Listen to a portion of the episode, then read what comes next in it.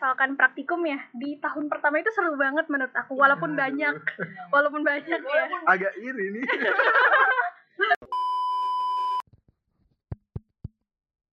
Oke, assalamualaikum warahmatullahi wabarakatuh. Selamat pagi, selamat sore dan selamat malam buat pendengar semua. Selamat datang di Talks episode episode 2. Oke, eh, kembali lagi nih bersama kami, Kotrun dan Nana, eh, apa kabar nih eh, semua listeners? Weh, Listener asik banget ya tuh. Eh, semoga baik-baik aja ya semua. Kalau dari Nana sendiri gimana kabarnya? eh, baik banget, bahagia juga. Alhamdulillah ya. Oke, jadi di podcast kali ini kami bakal bahas eh, tentang AADM atau ada apa sih dengan maba gitu. Oke, eh, dan kita di sini nggak akan sendirian dong, nggak akan berdua doang. Ngobrolnya kita bakalan juga udah ngajak narasumber juga ada dua narasumber nih. Boleh kenalan dulu mungkin dari kakak yang berkerudung. Oke, halo teman-teman. Kenalin nama aku Firda Asifa. Boleh dipanggil Firda. Sekarang lagi ada di program studi kedokteran program Sajana dan angkatan 2019. Berarti semester berapa? Sekarang semester 6. Kayak semester enam ya. Kalau dari masnya? Eh, Oke, kalau aku Irfan Dwi Purnomo dari kedokteran program sarjana juga sama kayak Kak Firda. Terus kalau angkatannya angkatan 2020, berarti sekarang lagi semester 4 juga. Oke. Oke, karena udah kenalan, mungkin kita bisa mulai aja ya langsung ke pertanyaan yang pertama. Boleh banget. Buat Kak Firda dulu nih. Kan Kak Firda udah semester 6. Kira-kira kesibukannya apa sih Kak kalau semester 6? Kalau semester 6 sih ya rata-rata kami semua lagi nyusun proposal. Terus nanti bakal ada skripsi juga buat kelulusan S1. Oke. Kalau dari masnya? Eh, kalau aku sendiri sih lagi kuliah ya, tapi ini udah libur. Tapi kalau sekarang mungkin kesibukannya lagi eh, ngurus bantu-bantu di organisasi aja. sih. Tentang organisasi ya. Keren banget. Aktivis. ya aktivis banget misalnya kalau aktivis mantep nggak tuh Enggak sih.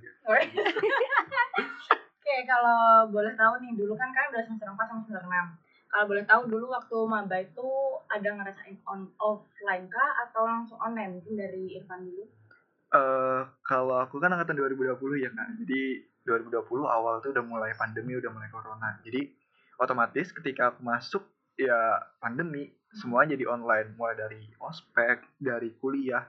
Pokoknya hal-hal yang berkaitan sama kuliah tuh mulai online. Tapi mungkin sekarang udah mulai offline. Kalau dari Firda sendiri gimana Kalau dari aku sih ya sebel pas aku jadi maba itu masih belum ada pandemi tuh. Jadi kita Hmm. sempat satu semester buat offline. Jadi waktu maba aku sempat ikut ospek selama beberapa hari di Banjarbaru gitu ya. Jadi fakultas kedokteran itu udah ada empat prodi. Nah empat prodi itu kita gabung semua gitu. Jadi ket- semuanya ketemu dan asik sih kalau misalkan Seru ya? offline. Oke, lanjut ke pertanyaan berikutnya ya. Kan waktu kalian masuk kuliah itu hal seru apa sih yang kalian rasain gitu? Buat eh, Kak Firda dulu deh. Kalau kuliah ya, kuliah itu sebenarnya banyak sih hal-hal yang seru. Kayak misalkan kamu ketemu sama teman-teman yang baru nih, yang latar belakangnya tuh beda-beda semua. Beda banget kalau misalkan dulu kan kita temenan cuma sama orang-orang yang di sekitar rumah gitu kan ya. Kalau misalkan sekarang itu kita ketemu teman-teman yang dari bahkan dari provinsi yang berbeda, pulau yang berbeda. Itu sih menurutku asiknya kita bisa kenalan lebih banyak lagi sama orang-orang baru. Terus kita juga tahu pola pikir mereka itu berbeda. Oh ternyata aku harus seperti ini. Jadi menurutku asik sih punya teman yang banyak seperti itu di perkuliahan. Kalau dari Kak Irfan sendiri, Kayaknya asik banget ya kalau misalkan maba offline itu. Kalau sendiri ya kan online ya. sebenarnya kalau online sendiri tuh nggak banyak sebenarnya yang bisa kita eh, asikin atau kita ingat kayak gitu. Tapi mungkin karena kita online berarti ya kita ketemunya cuma sama orang-orang yang mungkin di sekitar kita mahasiswa satu kota yang mungkin teman SMA kita juga. Tapi justru dari itu semua kalau misalkan kita ada kegiatan atau ada acara di kampus kayak gitu, jadi kan itu pertama kali ketemu tuh. Nah, jadi itu kayak asik banget. Kita kan sebelumnya cuma bisa kenal lewat Zoom, lewat eh, media sosial. Tapi kalau misalkan kita ketemu tuh kayak habis puasa ketemu, tapi sekali buka tuh kayak, uh asik banget. Oi, Ternyata orangnya kayak gitu nih, real life-nya kayak gitu. asik sih. Oke oke. Terus kan eh paling pasti sebelum kuliah kan kalian ngerasain SMA dong ya, Iya. pastinya nggak mungkin dari SD langsung. kan. Iya. Nah itu ada nggak sih kayak eh, gimana cara adaptasi diri sendiri dari jadi eh dari anak SMA jadi anak kuliah. Mungkin dari Firda dulu. Oh ya, kalau misalkan adaptasi ya, hal hal pertama yang paling harus kita adaptasikan itu manajemen waktu. Nah, kalau misalkan SMA kan kita tuh punya jadwal dari jam 8 sampai jam 4 udah fix gitu kan ya. Terus eh, istirahatnya jam berapa. Nah, kalau misalkan kita kuliah itu kadang tuh beda-beda gitu setiap hari. Apalagi prodi kita gitu kan ya. Nanti pagi ada kuliah, terus siangnya kosong, terus nanti sore ada kuliah lagi gitu. Terus kalau misalkan online ya, kalau misalkan online kadang kita juga punya em, apa namanya kuliah yang memang dari pagi sampai sore tanpa istirahat sekalipun gitu. Karena mungkin online di dianggap mudah ya jadinya dimepetkan gitu. Nah menurutku itu sih eh, hal pertama yang perlu kita adaptasikan yaitu manajemen waktu. Jadi kalau misalkan kita kuliah harus pinter-pinter nih. Eh, manajemen waktunya kalau misalkan pagi ada kuliah terus siang aku mau ngapain ya? Apakah mau nugas atau gimana gitu nah jadi menurutku itu sih yang harus kita perhatikan pertama-tama. Pernah culture shock nggak dari jadi anak eh dari anak SMA jadi anak kuliah tuh kayak ada culture shock yang "Wah, ternyata kuliah kayak gini gitu. Pernah pernah banget kak. Jadi kan kalau misalkan kita kuliah ya eh, tadi kan jadwalnya nggak nentu gitu ya. Jadi kadang tuh bingung gitu. Eh, misalkan pagi nih nggak ada jadwal jadi bingung aku sendiri tuh bingung pagi ini aku mau ngapain ya? Apa nunggu kuliah dulu sampai siang Iya. gitu kan ya? Nah itu sih. Terus juga kuliah ini kan agak agak beda ya tugasnya ya. Lebih berat dan mungkin agak lebih banyak. Mungkin agak ya paham lah ya agak Iya. lebih berat gitu. nah jadi kadang tuh ngerjain tugas tuh sampai malam gitu. Terus paginya ternyata ada kuliah. Nah di pagi itu aku ngantuk. Iya, jadi iya. itu sih culture shock pertama kali. Jadi waktu semester semester awal tuh aku sering banget ngantuk dalam kelas ya ketiduran sih Soal tiduran itu emang nggak bisa sih ya. Hmm. fisiologis kan ya ini ya kalau dari Irfan gimana Eh, adaptasinya dari anak SMA jadi anak kuliah Eh, ini kembali ke aku yang online tadi ya kak. Kalau online sebenarnya belum terlalu banyak masalah karena ya otomatis kita kan di rumah ya. Kita di rumah, kita kuliah lewat Zoom atau Google Meet. Nah itu kan ya otomatis kayak makan tuh eh, kasarnya udah ada di rumah. Terus kalau misalnya kita mau nyuci, mungkin ada mesin cuci. Pokoknya kayak ada di rumah kayak biasa kayak gitu.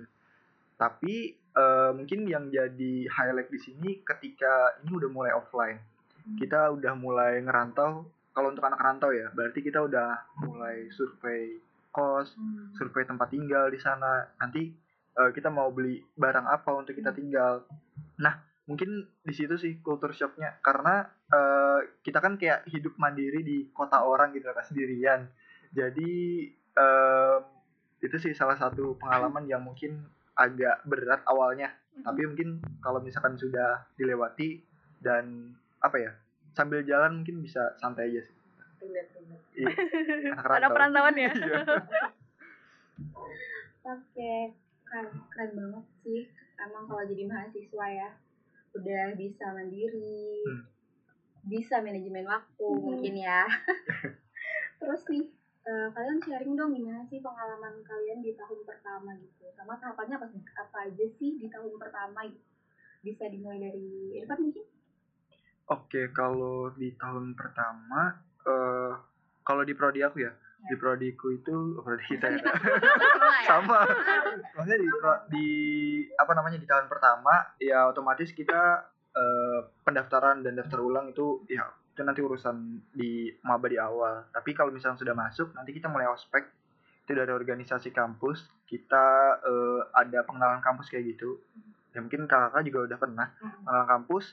Terus kalau misalkan di kedokteran program sarjana itu eh, mungkin agak berbeda dengan eh, teman-teman kuliah yang lain. Karena sistemnya blok ya kan Kak? Hmm. Nah, jadi kan kalau blok itu satu mungkin 5 sampai 6 minggu itu nanti ganti blok. Jadi di awal-awal tuh eh, kalau pas aku itu belajar fungsi normal, belajar normalnya tubuh dan ya itu berlangsung selama satu semester sampai di eh, tahun berikutnya. Jadi satu tahun belajar fungsi normal.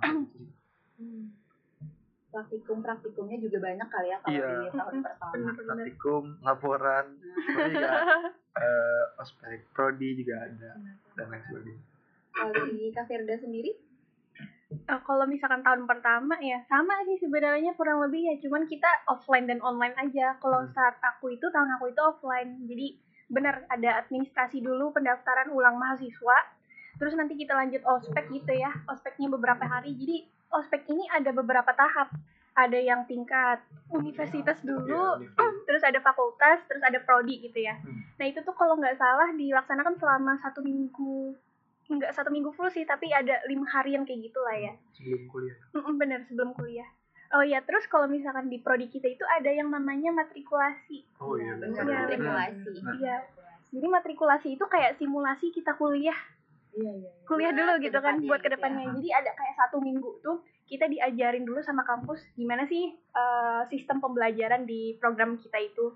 Jadi ada kuliah, terus ada praktikum, terus ada skill labs juga ya. Jadi skill Tutorial labs gitu. itu, eh, jadi skill labs itu eh, belajar tentang skill-skill yang perlu kita kuasai saat kita menjadi dokter gitu. Hmm. Bener tadi ada tutorial ada tutorial juga. Nah itu jadi kita diajarin selama satu minggu itu sebelum masuk ke perkuliahan yang sebenarnya gitu.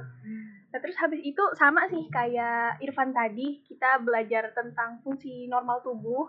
Terus di tahun berikutnya baru kita belajar tentang penyakit-penyakit. Jadi sebenarnya untuk tahun pertama itu lebih ke perkenalan aja sih Iya. terhadap dunia kedokteran gitu.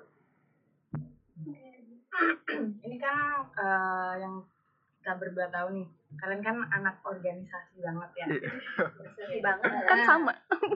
Oh, sama. Sama. Mungkin bisa dijelasin nggak tentang eh, gimana sih pengalaman organisasinya dari Firda dulu deh. Kayak dulu pernah ikut apa aja, terus em, kegiatannya tuh eh, sekiranya tuh kayak ngapain aja gitu. Kalau mau promosi organisasinya boleh. Oke boleh ya. Oke. Oke, jadi kalau misalkan aku eh, tahun pertama itu aku ikut hima dan hima itu himpunan mahasiswa ya. Himpunan mahasiswa itu ada dua periode. Jadi aku dua tahun di hima. Terus aku ada juga ikut organisasi dakwah, dakwah Islam di kampus. Jadi kita itu ada namanya eh, KSI Ashifa. Nah itu Dan tentang nama ya. Iya, Firda Shifa kayak si Ashifa ya. Iya, terus aku ada ikut juga di tahun kedua itu eh, organisasi eksternal. Jadi ada yang namanya SMKI. Kak Koter Oh, ikut juga kan iya. ya? Oh enggak Oh, ya? enggak Oh enggak ya. Mohon maaf nih salah info. Jadi ada yang namanya SMKI itu eh, organisasi buat khusus kedokteran aja. Jadi ada tingkat wilayah dan nasional. Aku pernah ikut di tingkat yang wilayah. Terus yang sekarang aku ikut di BEM. Iya. Ya, Badan Eksekutif Mahasiswa. podcastnya sekarang ya. Iya. Jadi kalau kegiatan di organisasi itu sebenarnya em, apa ya? Kalau kasarnya ya boleh aku bilang kita tuh ada nemuin masalah dulu. Kira-kira apa sih yang diperlukan di lingkungan kerja kita? Terus kita rumuskan nih kira-kira apa yang harus kita lakukan dengan prok dengan membuat proker gitu program kerja. Terus nanti kita melaksanakan gitu. Nah sama kayak yang sekarang kita lakukan ini. Mungkin maba-maba sekarang perlu info lebih Iya, mengenai mahasiswa ya Benar. yang mau masuk ke sini makanya kita eh, rumuskan kira-kira apa yang perlu kita lakukan ternyata podcast dan sekarang itulah adalah hari pelaksanaannya gitu sih jadi kurang lebih kita berkegiatan aja sebagai mahasiswa buat bantu-bantu teman-teman yang ada di kampus gitu Nah itu ada kerasa bedanya nggak? Kan tadi Kak Firda ada yang internal sama eksternal. Nih. Nah, kira-kira em, perbedaan atau hal yang paling mencolok yang dirasain Kak Firda tuh apa gitu dari organisasi? dari organisasi internal sama eksternal ya? Mungkin karena organisasi eksternalku agak eh, bukan kayak em, organisasi yang memang punya basis. basis di lingkungannya sendiri, tapi kan aku tingkat wilayah ya, yang mana berarti wilayah itu perlu menaungi organisasi yang ada di bawahnya yaitu Iya. kampus-kampus kita gitu. Jadi eh, kalau misalkan dari perbedaan yang paling mencolok, kalau misalkan internal kita punya program kerja kita sendiri, kita punya urusan kita sendiri buat teman-teman kita sendiri gitu. Kalau misalkan yang eksternal, kita tuh eh, nyari tahu kira-kira permasalahan apa yang ada or- di- pada organisasi yang di bawah naungan kita. Jadi sebenarnya bukan masalah yang ada di lingkungan kerja kita, tapi yang ada di bawah kita gitu. Karena kan tingkatannya wilayah gitu. Jadi eh, perbedaan mencoloknya di situ sih. Kalau misalkan internal kita buat diri kita sendiri dan untuk lingkungan kita kalau misalkan yang tingkat eh, mungkin yang tingkat wilayah eksternal tadi kita lebih mencari eh, bagaimana sih orang-orang yang ada di bawah kita apakah ada perlu bantuan, apakah perlu ada em, apa ya kolaborasi dengan kita dan lain-lain. Jadi sebenarnya perbedaannya di situ sih. Tapi kalau misalkan teman-teman mau bedain organisasi eksternal yang lain mungkin nanti akan berbeda konsep sistemnya ya. Karena sistem kerja kita pasti berbeda gitu. Tergantung organisasinya juga Mm-mm, ya. tergantung organisasinya juga sih. Gitu Oke. sih. Mungkin kalau dari Kak Irfan gimana nih jadi pengalaman organisasinya? Eh, Oke, kalau dari aku sendiri ini udah tahun kedua ya. Sama kayak Kak Firda tadi dari tahun pertama aku juga ikut himpunan, sama juga di himpunan sama Kak Firda. Sama Kak Kotrin juga sebenarnya. Eh, kalau sebenarnya cuma ikut satu sih kalau yang untuk organisasi. Cuman ada ikut latihan kepemimpinan di fakultas juga sama kayak Kak Firda. Itu juga berbentuk organisasi. Tapi mungkin yang paling mencolok di sini ya bagian himpunan itu karena dua tahun dan mungkin apa yang dijelasin Kak Firda tadi benar-benar eh, kurang lebih aja. Jadi kita di sini ada hmm, apa ya? Kayak ada masalah, terus kita cari tahu solusinya serta tiap tahun tuh seharusnya ada perubahan dan inovasi yang bisa kita lakukan. Jadi nggak stuck di situ-situ aja. Tiap tahun kita harus ada perubahan biar kita jadi lebih baik. Dan kalau di himpunan nih ya otomatis kita eh, membawahi bukan bawahi sih menghimpun mahasiswa yang ada di eh, program studi kita. Di kedokteran program sarjana mulai dari angkatan maba nanti yang mau masuk 2022 2021 pokoknya yang masih aktif lah kayak gitu sih Kak. terus kalau untuk organisasi lainnya masih eh, belum ada ikut sih baru ikut yang gimana. Iya. Itu bisa diterain nggak kayak serunya tuh gimana terus kan dua tahun kan masih lama ya Mm-mm, dua bener. tahun heeh. kayak eh, apa sih yang kalian apa sih yang kalian dapetin atau apa ya kayak eh, kalau bisa dibilang mungkin proker paling seru atau kegiatan paling seru yang pernah dilakuin itu apa gitu mungkin dari Irfan dulu Eh, Oke, jadi kalau dari aku sendiri kan tadi dua periode ya kak kalau Hmm. himpunan itu. Nah, berarti di periode pertama tuh itu 2021 itu masih kebanyakan kegiatan kita tuh masih online. Hmm. Jadi ya kita melakukan kegiatan eh, berkegiatan itu secara online aja kayak kita lakukan webinar, lakukan podcast ada juga. Terus lakukan pokoknya hal-hal yang eh, belum bisa kita lakukan secara offline. Tapi ini udah masuk tahun kedua, ya eh, kita udah mulai offline. Jadi eh, hampir semua kegiatan sih sebenarnya ini udah mulai offline, mulai dari hmm, kayak upgrading, webinar segala macam juga mulai offline, studi banding. Eh, kemudian kalau misalkan ditanya proker yang paling berkesan atau favorit mungkin yang paling besar ya kak, itu ada kayak olimpiade mahasiswa kedokteran kayak gitu. benar-benar Ya mungkin sama kayak Kak Firda sama Kak Kotrun juga. Jadi itu benar-benar proker offline pertama kami. Yang angkatan 2020 sih sebenarnya. Jadi kan eh, 2021 itu kan online, tapi di akhir itu ada yang namanya proker Avimsa yang olimpiade tadi. Nah, itu offline. Jadi kan kayak sebenarnya kayak culture shock juga. Kita kan sebelumnya online kayak oh, sambil menyambi sambil apa ya? mengerjakan yang lain tuh masih bisa ya, Kak. Tapi kalau misalnya kita mulai offline eh, ya otomatis kita harus ya berkorban sedikit lah waktu, pikiran dan juga tenaga. Mungkin itu sih oke agak kaget. Eh, kan Imam awalnya sempat online dulu kan ya berarti Hmm. organisasi terus kan offline itu eh, berarti lagi masa transisi dong dari offline dari online ke offline Iya, iya. Nah, Sekarang. kira-kira ada nggak yang bikin kaget gitu kayak ternyata proker kalau ngadain proker offline tuh kayak gini-gini dibandingkan sama proker online itu mungkin Hmm. ada nggak? sebenarnya kalau misalkan kita ini kan lagi masa transisi, berarti eh, kita mengubah kebiasaan kita dari yang biasanya kegiatan online menjadi kegiatan offline. Nah, sebenarnya itu salah satu eh, kekagetan kami juga karena belum banyak melakukan kegiatan offline. Eh, misalkan di online itu kita cuman ya mungkin menyiapkan MC, eh, moderator itu secara online dan juga kita paling menyiapkan kalau tempat itu kan lewat Zoom, lewat Google- Google Meeting. Nah, itu kan bisa. Tapi kalau misalnya kita offline, ya otomatis semuanya harus berhadir di tempat. Semua panitia juga harus di sana. MC harus latihan secara offline itu kayak gimana, moderator juga. Kita ngundang narasumber juga harus didatangkan secara langsung.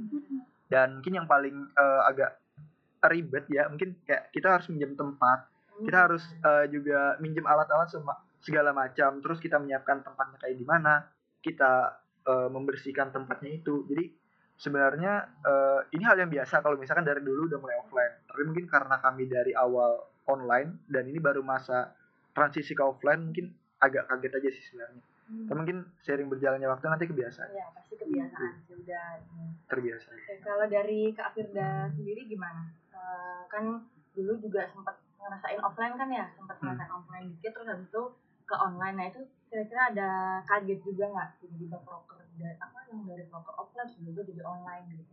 gitu oke jadi sebenarnya kalau misalkan kita hima sendiri ya eh, dulu waktu angkatan aku sempat ngerjain proker offline itu satu kali kalau nggak salah sempat satu kali yang farewell party. Iya, Iya kan? benar-benar. itu termasuk proker yang gede lumayan gede karena semua hima angkatan kami dan angkat eh, hima yang periode sebelumnya itu gabung gitu. Jadi cukup cukup besar ya acaranya.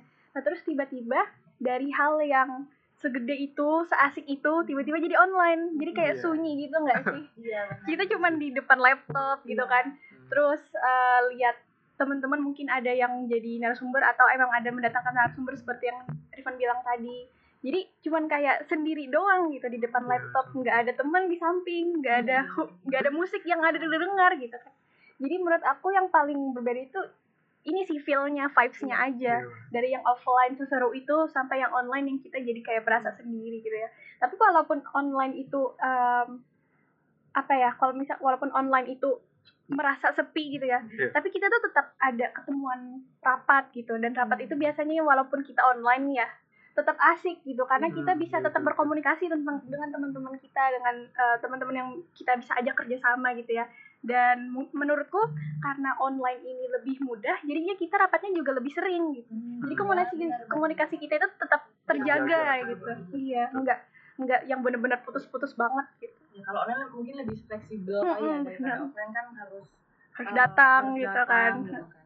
Kalau misalkan online kan kita bisa ma- mau kapan aja di mana Iya, aja gitu kan bisa. Jadi bisa lebih sering juga rapatnya gitu sih kalau menurut aku. Oke, eh, aku mau tanya nih, eh, kan kalian udah masuk beberapa organisasi ya. Ada nggak sih tips dari kalian gitu buat milih eh, organisasi mana sih yang harus kalian ikuti gitu? Eh, mungkin bisa dari Kak Firda dulu. dari aku ya. Mungkin eh, alasan aku masuk organisasi sebelumnya aja kali ya aku bilangin. Kalau hima sih jujur aku eh, milih hima itu karena hima adalah salah satu organisasi di prodiku yang pertama kali nyentuh kami Mahasiswa, angkatan ya, kami gitu. Ya bener kan? Waktu kita PKKMB hima kan yang pertama kali mengayomi kita gitu jadi pertama kali aku yang aku lihat itu adalah hima.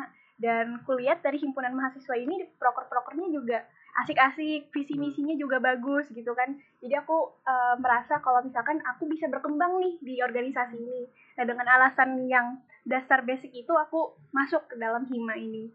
Nah terus kalau misalkan untuk yang KSI Ashifa yang organisasi dakwah itu eh, jujur aku bukan asli orang Banjarmasin ya.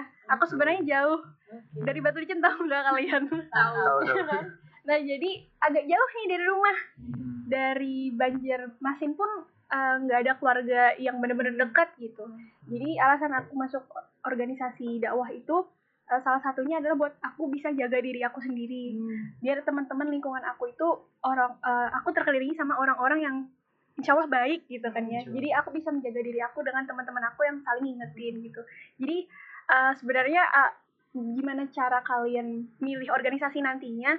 Coba lihat dulu eh, ini organisasi apa sih gitu. Mereka ngapain aja. Terus misalkan udah tahu kira-kira kalian sebenarnya pengen apa sih gitu di tahun pertama atau tahun kedua kalian masuk organisasi. Dan sesuaikan kira-kira masuk nggak nih alasan aku sama tujuan dari organisasi ini.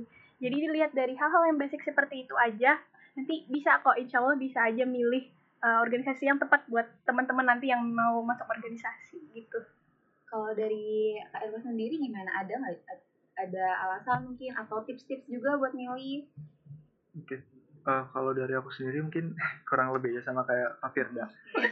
Kita mulai dari himpunan karena ya himpunan tuh yang pertama kali mungkin kita tahu selain BEM, bener tapi karena BEM itu di tahun kedua ya. Nah, tahun pertama kita cuman bisa ikut himpunan. Jadi eh ya itu em, mungkin karena aku suka di bagian mungkin desain publikasi kayak gitu-gitu sebenarnya aku mencari organisasi yang mungkin relate sama hal itu. Dan salah satunya adalah Hima. Mungkin ada organisasi lain yang relate kayak jurnalistik seperti Hippocampus ada juga. Tapi karena ya lebih mungkin cocok aja ke Hima jadi aku coba daftar itu tapi sebenarnya eh, masih banyak sih organisasi lain yang bisa kita coba.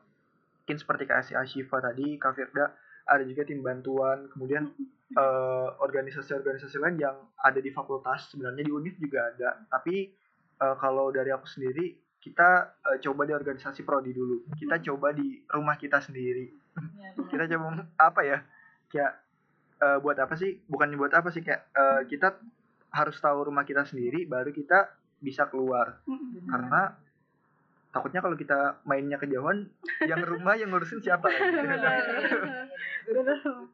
Eh, itu sih kalau dari aku. Kalau untuk tipsnya sendiri eh, mungkin kurang lebih aja sama kayak Kak Firda.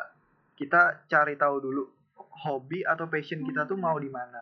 Kalau misalkan kita suka terjun ke lapangan itu cari organisasi yang ada kepengmasannya. Himpunan ada BEM juga ada tim bantuan medis juga lebih sering untuk terjun ke lapangan kemudian kalau misalkan kita suka sama kayak aku tadi di bagian editing publikasi kayak gitu-gitu di jurnalistik juga ada di Info Kampus di himpunan BEM juga ada.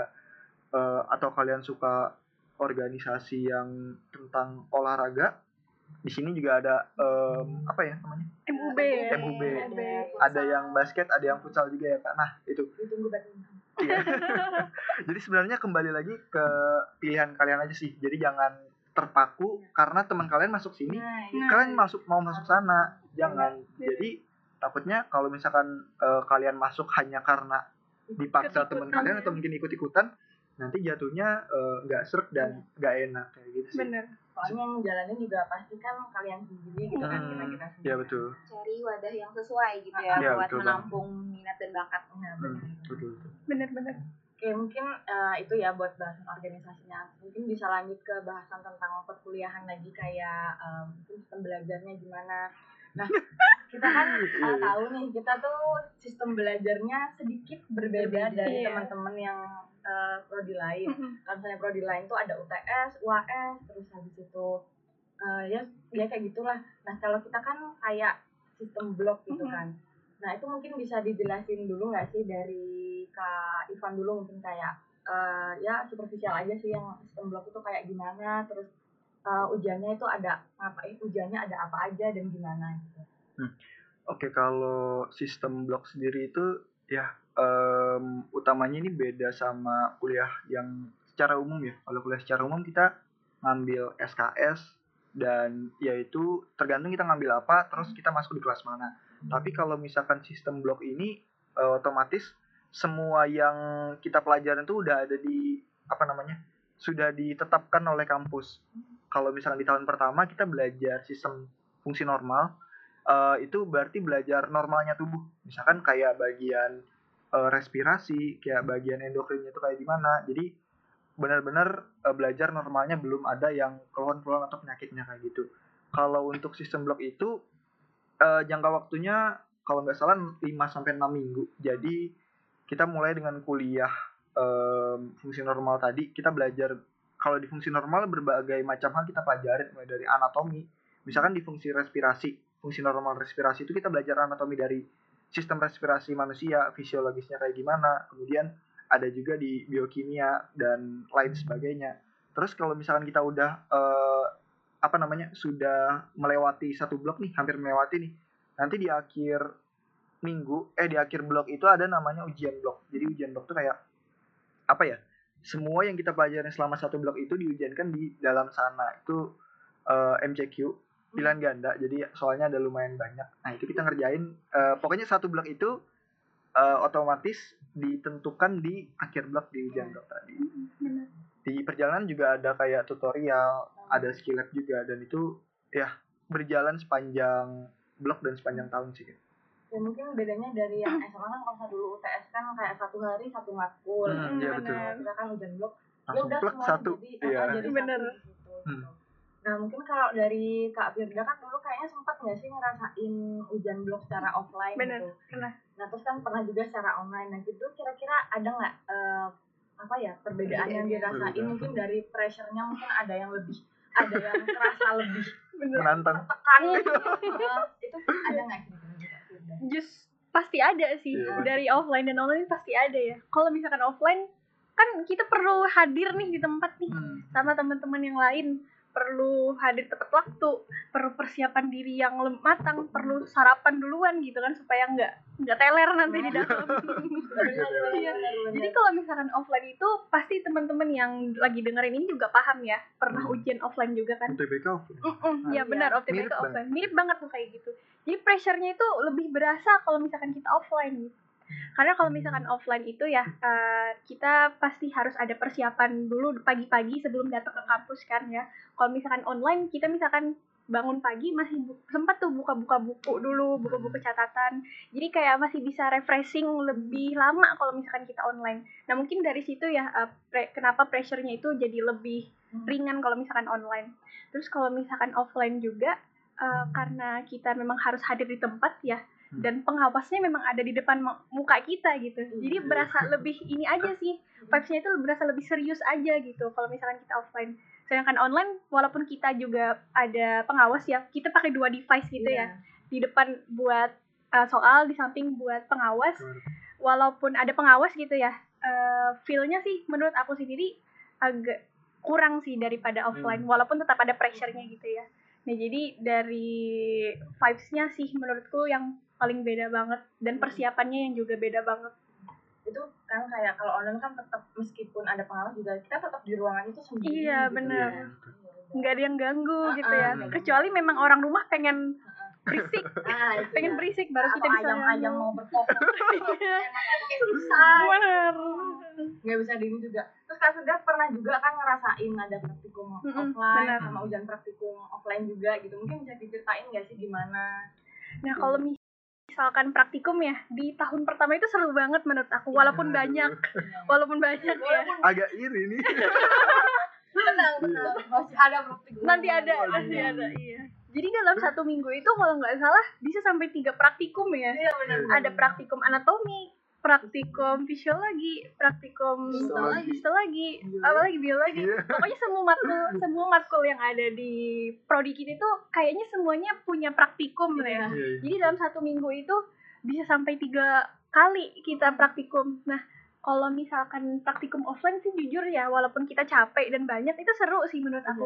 Karena kita ngelihat langsung gitu. Namanya juga praktikum kan kita harus praktek di tempat kan ya jadi eh, instruksi dari buku eh, hal-hal yang kita pelajari di perkuliahan bisa langsung disediakan di tempat gitu dan kita tuh nge eh, langsung merasakan kalau misalnya oh ternyata yang aku pelajari kuliah itu seperti ini ya ternyata yang aku Hmm. pelajari pas praktikum itu seperti ini ya kita bisa eh, melihat membicarakan dan memegang langsung gitu. kalau misalkan online karena kita punya keterbatasan tempat ya jadi kita itu biasanya cuma ngelihat dari layar laptop Iya. gitu nggak bisa megang gitu. gambar-gambarnya doang. Iya Iya, gambar-gambar gambar. doang gitu. Eh, s- jujur eh, spesial buat anatomi sih menurutku seru banget sih. Karena kalau misalkan nanti kalian ya eh, masuk prodi kami terus ikut praktikum anatomi nanti kalian bakal eh, ditemuin sama yang namanya kadaver gitu. Jadi kadaver ini adalah ma- manusia yang diawetkan yang fungsinya mem- kita bisa mempelajari tubuh-tubuh manusia secara langsung gitu. Jadi jadi nanti kalian bisa lihat langsung otot-otot yang ada di tangan otot-otot yang kaki terus uh, pembuluh-pembuluh darahnya. Nanti ada juga istilah-istilah me- medis-medisnya lagi. Iya gitu. Nama-namanya. Iya banyak nama-namanya walaupun sekecil apa pun gitu ya Eh, bener. tetap ada namanya. Nah jadi nanti karena anatomi ini link uh, apa ya materinya agak banyak ya. Jadi makanya ada praktikum yang menghadirkan langsung kadaver itu gitu. Hmm. Nah itu sih yang menurutku paling seru kalau misalkan untuk praktikum kita bisa ngeliat langsung tubuh kita sendiri ini oh Iya, ternyata di dalam tubuh kita seperti ini ya. Terus kita belajar juga nanti di praktikum fisiologi oh ternyata fungsi tubuh kita yang kita pelajari di praktikum anatomi ternyata seperti ini ya Iya. gitu. jadi ada sambungannya ada korelasinya setiap matkul itu gitu jadi asik sih menurutku kalau misalkan kita offline karena memang ketemu langsung dan mempelajari langsung gitu Lagi kalau histologi kan kayak em, waktu mungkin kalau di SMA kan pernahnya praktikum yang pakai bawang merah itu oh kan. benar Iya, iya iya. benar Nah, kalau misalnya di histologi kan benar-benar lihat eh, kayak potongan tubuh potongan eh, potongan tubuh kayak yang paling kecil banget dan kalau misalnya waktu dilihat tuh wow oh ternyata seperti ini Iya, ya gitu. Sekompleks Eh, itu dan sebagus itu waktu pertama kayak iya aku suaranya bener bener warna-warni. Jadi kalau misalkan praktikum histologi itu berasanya kayak ya Allah Tuhan udah ngeciptain tubuh kita sekompleks ini Iya, gitu loh. bahkan bagian sekecil itu Iya, sekecil apa pun punya fungsinya sendiri Iya. gitu. Jadi kayak wow gitu kan. Keren sih, keren banget. Itu benar-benar pengalaman yang nggak bisa Hmm. dilupain Iya. Dan praktikum lainnya masih banyak ya, Iya. ya. Tapi praktikum yang Iya, kalau misalkan kita bicara di sini kayaknya nggak selesai-selesai. Iya, Kalau ngomongin praktikum dong kayak Iya, nggak akan selesai Karena memang praktikum asik sih. Hmm. Mm-mm, Asik banget. mungkin dari Kak Nana mau ada tanya tentang kuliah lagi Hmm, beres sih. Mungkin eh, kalau praktikum-praktikum bukan cuma di PSKPS aja ya, Mm-mm, ada benar. di- Iya, ada ada prodi prodi yang lain. lain juga banyak. Mereka ngelakuin hal-hal eh, kayak praktikum, juga ujian-ujiannya gitu ya. Mungkin eh, langsung aja kali ya ke pertanyaan berikutnya. Eh, kan nih tadi udah banyak banget dijelasin tentang kuliah, praktikum, kegiatan organisasi. Nah, buat relasi sendiri, buat relasi pertemanan gitu ya. Itu kalian gimana sih cara membangunnya gitu? Mungkin bisa dimulai dari kayak dulu. Eh, kalau dari aku sendiri pas awal kuliah karena online aku em, apa namanya lingkup pertemananku tuh hanya terbatas mungkin dari teman-teman SMA aja. Hmm. jadi teman dari teman SMA ya aku tetap eh, apa ya iya tetap catch up sama mereka yang eh, di kuliah apalagi yang sama satu prodi juga. Nah terus kalau misalkan di prodi aku sendiri itu kan eh, lebih banyak kita bekerja tuh secara kelompok. Ada nanti kelompok tutorial kelompok skill lab kelompok praktikum juga. Nah jadi eh, sebenarnya kita bisa memulai relasi kita tuh dari situ. Kita coba untuk ngobrol di grup misalkan kita ngobrol tentang ini nanti berlanjut ke chat pribadi dan jadi teman kayak gitu. Tapi eh, kalau misalkan dari aku sendiri sebenarnya eh, mulai pertemanan yang benar-benar pertemanan tuh dari diajakin sih kak. Jadi diajakin mau belajar eh, bareng nggak? Kita Iya, buat grup kayak gitu. Bener-bener. karena mungkin ini online kan jadi ya kita nggak tahu nih orangnya kayak gimana tapi tetap aku coba belajar eh, aku coba ACC nih grupnya. Tapi ternyata grupnya itu asik. Jadi sampai sekarang tuh tetap temenan dari situ. Jadi selain belajar main-main juga. iya main belajar teman main teman belajar teman ya curhat segala macam sih. Wih, ya pokoknya harus kalau di- komplit. kalau di kuliah tuh harus ada temen sih kak kalau menurut kalau misalnya kita iya ini bukan terbatas di prodi kedokteran aja tapi di semua prodi harus kita punya teman. Baik itu teman belajar teman organisasi atau teman curhat kalau misalnya kita sendiri kayaknya terlalu Berat gitu susah ya, dan terlalu berat iya. iya kayak Bener. kita nggak ada teman untuk eh, apa ya namanya curhat Iya. nanya atau semacamnya jadi kayak tetap harus punya teman walaupun itu sedikit gak apa-apa sedikit gak apa-apa yang penting berkualitas Wes. Keren keren keren. penting banget emang ya relasi kalau ketika kuliah. Kalau Iya, dari Firda sendiri gimana? Kalau aku karena sempat offline ya mungkin Hmm. aku agak mudah sih untuk bikin pertemanan kelompok Iya, pertemanan iya, mudah gitu ya. Iya. Jadi kalau misalkan eh, awal-awal kita ketemu temen itu waktu kita ospek gitu. Hmm. Lingkup pertemanan kita yang paling pertama itu adalah kelompok ospek kita Iya. ya, kelompok ospek. PKKMB kita gitu. Tapi eh, sayangnya ya karena PKKMB ini kan dari empat prodi ya tadi ya udah dijelasin. Eh, jadi kan kita misah nih habis ospek itu Hmm. walaupun di grup itu tetap chattingan, tetap sapa-sapaan, tapi kan nggak se, se apa ya, seintens kalau misalkan kita ketemu sama teman yang offline gitu. Nah jadi kalau misalkan dari aku sendiri me- memulai pertemanan di prodiku, eh, kita awalnya karena ada lagi tahap ospek berikutnya yang namanya LKMMD ya. Oh iya. Iya. Oh, iya, Nah, Prodi. di situ yang mana eh, satu angkatan itu harus benar-benar bisa saling menguatkan. Nah, di situ sih aku dapat pertemanan yang memang benar-benar oh ini ternyata temanku bisa aku ajak belajar, bisa aku ajak curhat kayak Irfan tadi, Oh, iya. paket komplit ya. Iya, ya. Jadi eh, karena kita sering ngerjain tugas bareng, sering belajar bareng, sering benar-benar sering ketemu karena kegiatan kampus. Jadi kita dari sana eh, walaupun nggak ada tujuan buat apa ya buat eh, berteman seintens itu kita otomatis gitu menjadi eh ya accidental menjadi circle pertemanan gitu. Iya. Nah dari pertemanan itulah kita bisa membangun eh, hubungan antar personal kita lagi dengan teman-teman yang ada tadi menjadi lebih lebih naik lebih meningkat gitu. Oh, iya. jadi dari awalnya cuma temenan doang jadi sahabatan gitu kan ya. Nah jadi kalau dari aku sih eh, mem- membangun relasi itu berdasarkan koinsidental sih sebenarnya Iya, ya. iya, nggak ada tujuan Iya. tujuan kayak aku pengen pengen temenan nih sama si ini nggak ada kayak gitu. Jadi memang karena situasi dan kondisi aja yang membuat kita tuh eh, cep, apa sering bertemu dan akhirnya jadi malah temenan gitu lalu gitu jadi jadi kalau misalkan offline aku lebih mudah sih pan Iya, bikin iya temennya sih, daripada online Tapi uh, Iya. selain dari apa namanya dari kita kuliah sebenarnya dari organisasi Iya, itu bener. bisa Oh iya. Benar-benar. kan uh, kita organisasi nggak hanya lingkup univ atau prodi aja tapi kan Kak Firda ada organisasi wilayah nah otomatis temannya tuh kan dari wilayah lain Oh, dari iya. provinsi lain atau mungkin yang ikut organisasi tingkat nasional nah Hmm. temennya juga bisa dari seluruh Indonesia jadi sebenarnya uh, bukan hanya di kuliah kita bisa nyari teman di organisasi internal eksternal kita juga bisa nyari teman tapi tetap harus apa pilah-pilah juga sih. Iya. milah milahnya bukan berarti kita pilih-pilih teman pengen teman sama yang mana yang mana ya tapi lebih kayak eh, di seleksi aja mungkin eh, ini bisa ngasih benefit nggak buat aku? Atau malah kita malah terjun bareng-bareng nanti kan Iya. nggak enak gitu kan. Jadi kan pertemanan yang bagus itu yang sehat itu yang saling bisa menguatkan saling bisa menguatkan saling bisa apa ya em, memberi semangat memberi semangat Positif. Iya. positif. dan upgrade diri tuh jadi bareng-bareng gitu Hmm, Ya, soalnya kan kuliah juga nggak eh, nggak sebentar gitu kan apalagi di prodi kita belum udah selesai SK tuh masih ada lagi gitu kan Iya. jadi Iya. benar-benar harus ada ini sih harus ada teman yang buat support secara mental, Mental. dan juga fisik fisik iya. fisik ya Iya. harus ada soalnya ya gimana kalau kalau sendirian juga berat mungkin berat, Berat banget banget sih ya, kalau sendiri. berat banget.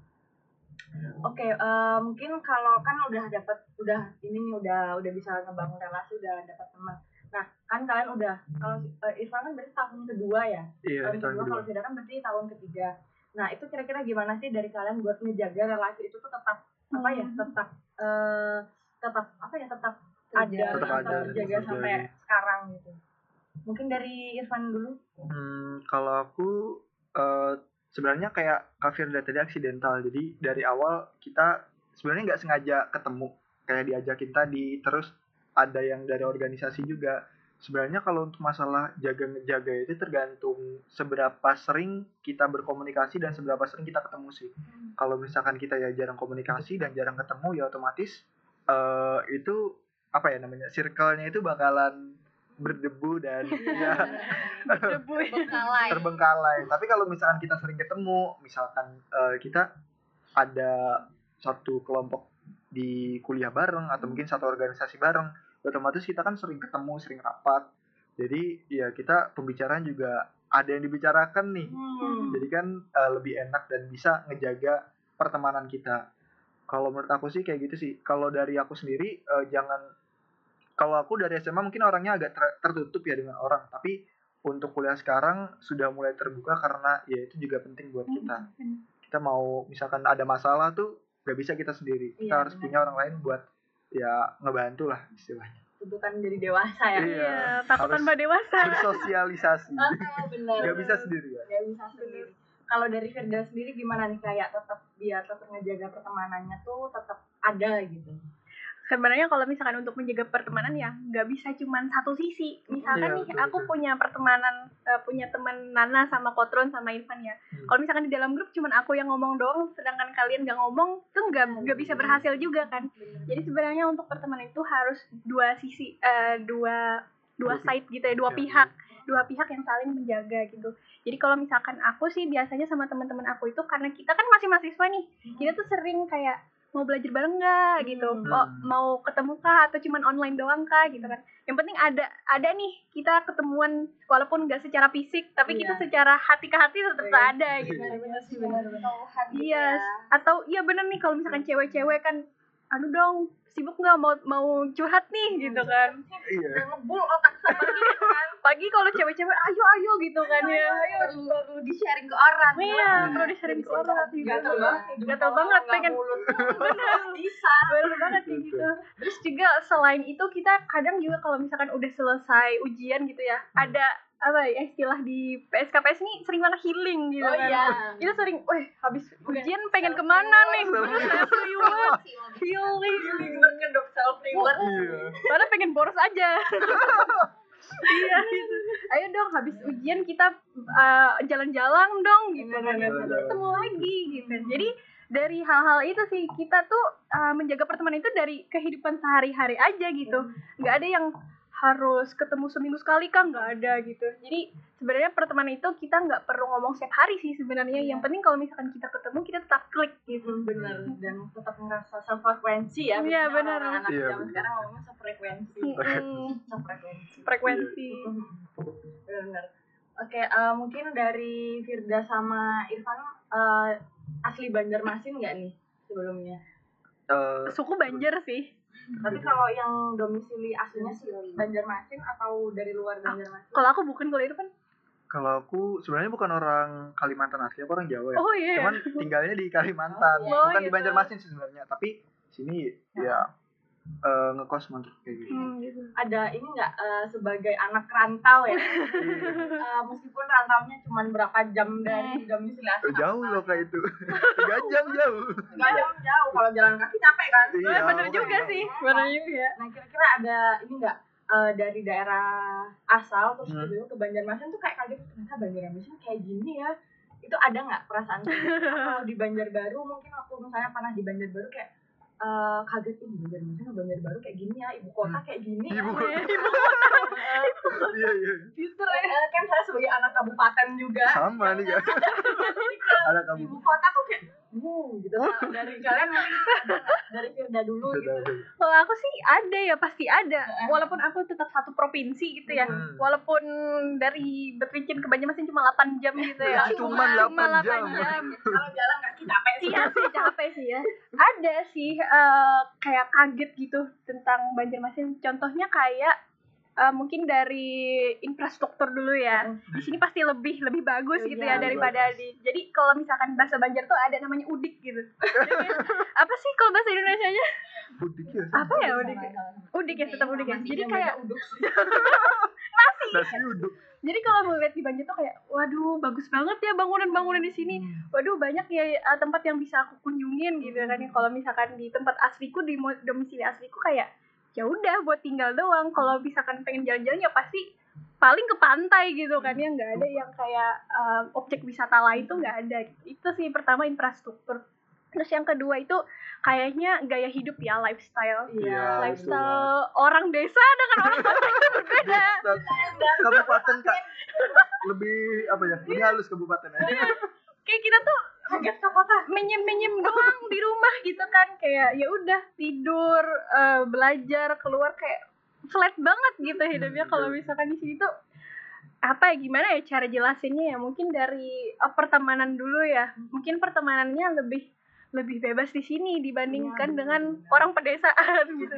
Kalau misalkan orang kalau misalkan orang-orang di tempatku ya kalau di domisili aku ngelihat eh, cowok cewek main bareng apalagi sampai malam tuh kayak aduh nggak boleh nih nggak boleh nggak bener nih Gak bener nih.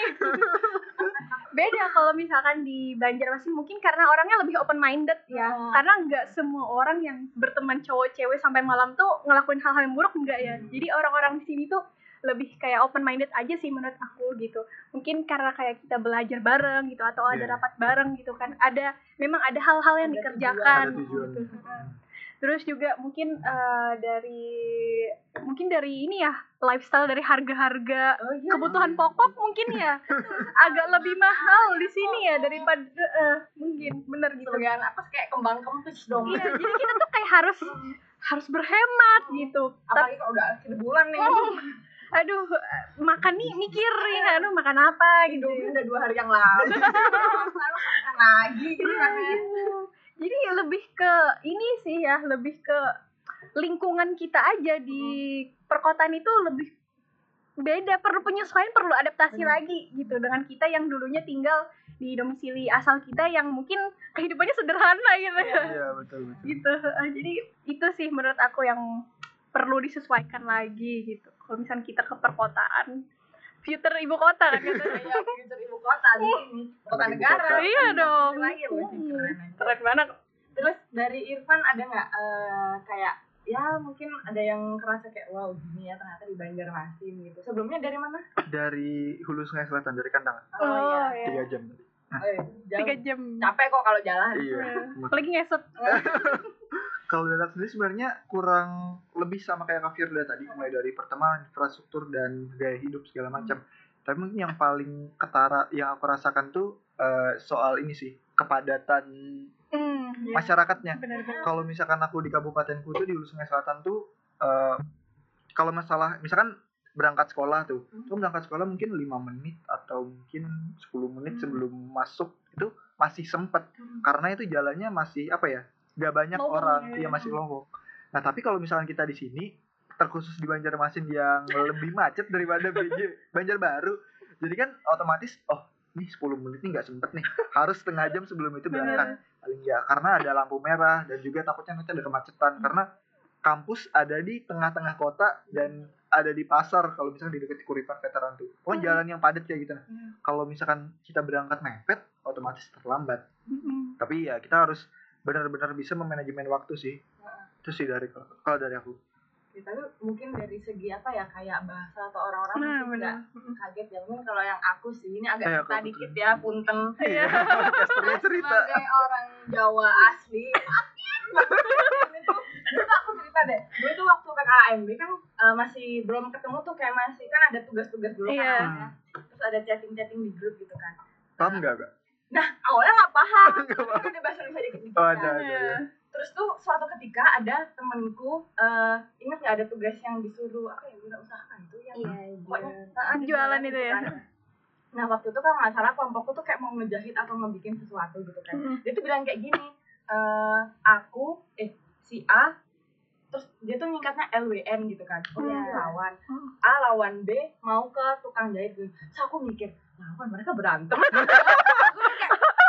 Kalau iya iya.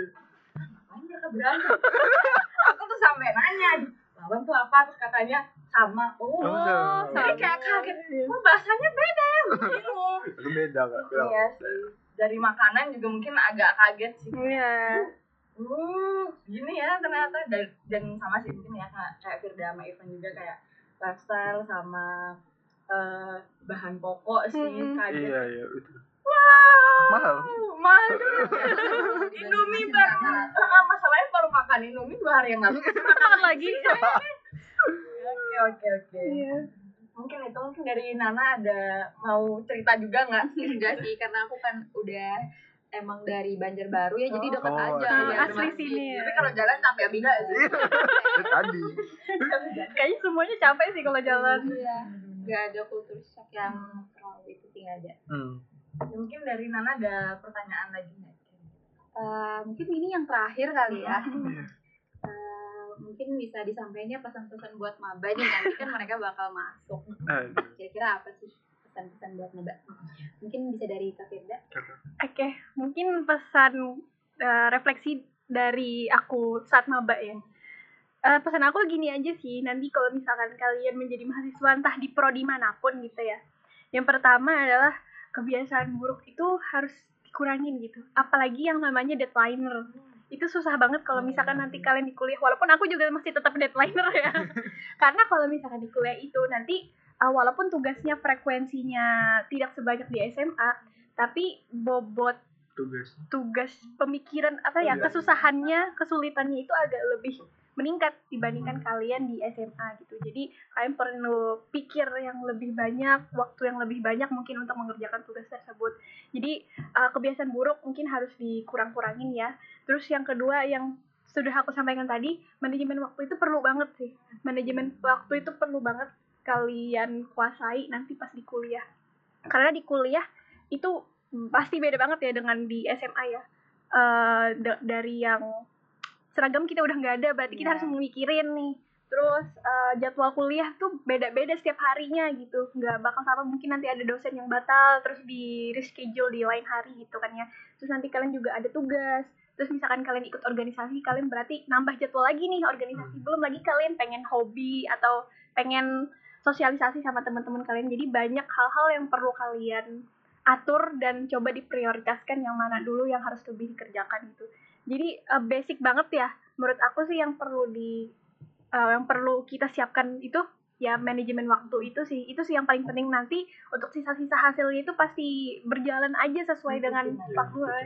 jadi terpaksa kan eh, ter- kebiasa karena terpaksa Oh, gitu. Iya, ya terbiasa karena terpaksa. Iya. jadi nanti ngalir aja let it flow aja. Yang penting tetap ingat orang tua di rumah Hmm. yang eh, kuliahan kalian mereka udah capek-capek nyari uang tapi nggak murah Iya, Iya. Nggak murah.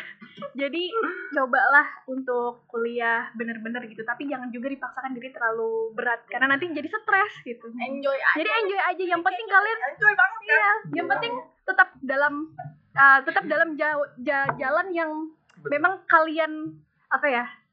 Tetap dalam kalian tetap on track gitu. nah benar benar Iya, jangan jangan sampai keluar jalur kejauhan lah Iya, gitu. benar, Iya. Tapi pasti setiap manusia pasti punya kesalahan ya nanti ya Iya. cuman ya itu setiap manusia juga pasti belajar Iya, jadi pasti belajar dari kesalahan iya jadi gitu enjoy aja gitu enjoy aja yang penting tetap on track itu aja sih jangan takut kuliah aja sih Iya, takut tambah dewasa aja. itu sih yang Tambah. Kalau dari Irfan sendiri ada mungkin tips-tips atau pesan-pesan nih? Eh, kalau dari aku sendiri mungkin dimulai dari ini sih. Kalau kalian kuliah tuh sebenarnya harus dari diri kalian sendiri ya. Hmm. Tapi kalau misalkan kalian memang diminta atau mungkin disuruh ya sebenarnya nggak apa-apa karena kalian masih dalam tanggungan orang tua dan dibiayai orang tua. Jadi sebenarnya nggak boleh apa ya menentang sih sebenarnya ikutin aja dan sebenarnya eh, bawa enjoy aja sih sebenarnya kalau aku. Biarpun kalian mungkin kasarnya dipaksa tapi tetap beda kita di jalan tuh ketemu orang-orang yang mungkin eh, sama senasib kayak gitu nggak apa-apa. Karena ya memang adanya begitu. Mungkin kalau misalkan dari aku sendiri eh, buat maba-maba sekalian nanti itu silakan eh, pilah-pilah teman yang baik. Kalian Hmm. di perkuliahan tuh perlu teman-teman yang bener bener-bener apa ya memberikan benefit dan timbal balik yang baik buat kalian. Jangan berteman bukan apa ya nih tapi jangan berteman dengan orang yang malah menjerumuskan kalian ke hal-hal yang buruk. Misalkan ngajak kalian eh, pulang malam atau mungkin ngajak kalian lebih apa ya? Ngajak ngerampok.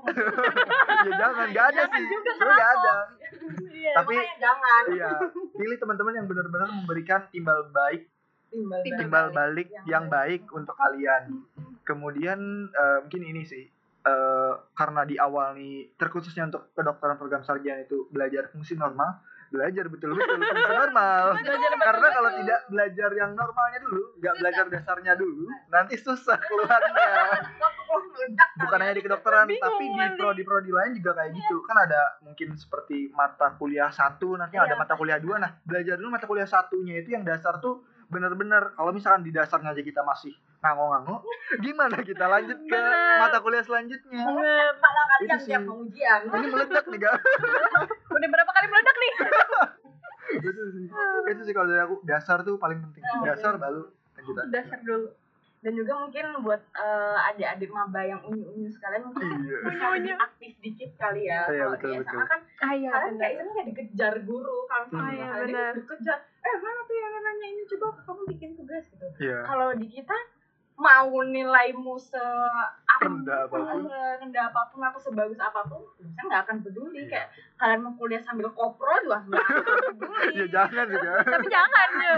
Sih ya gitu sih buat ini ada mamba juga tolong didengarkan dan dicamkan ya wah ya Kok kayak ngancam ya? cutting suka ngancam Si paling cutting. Si paling cutting.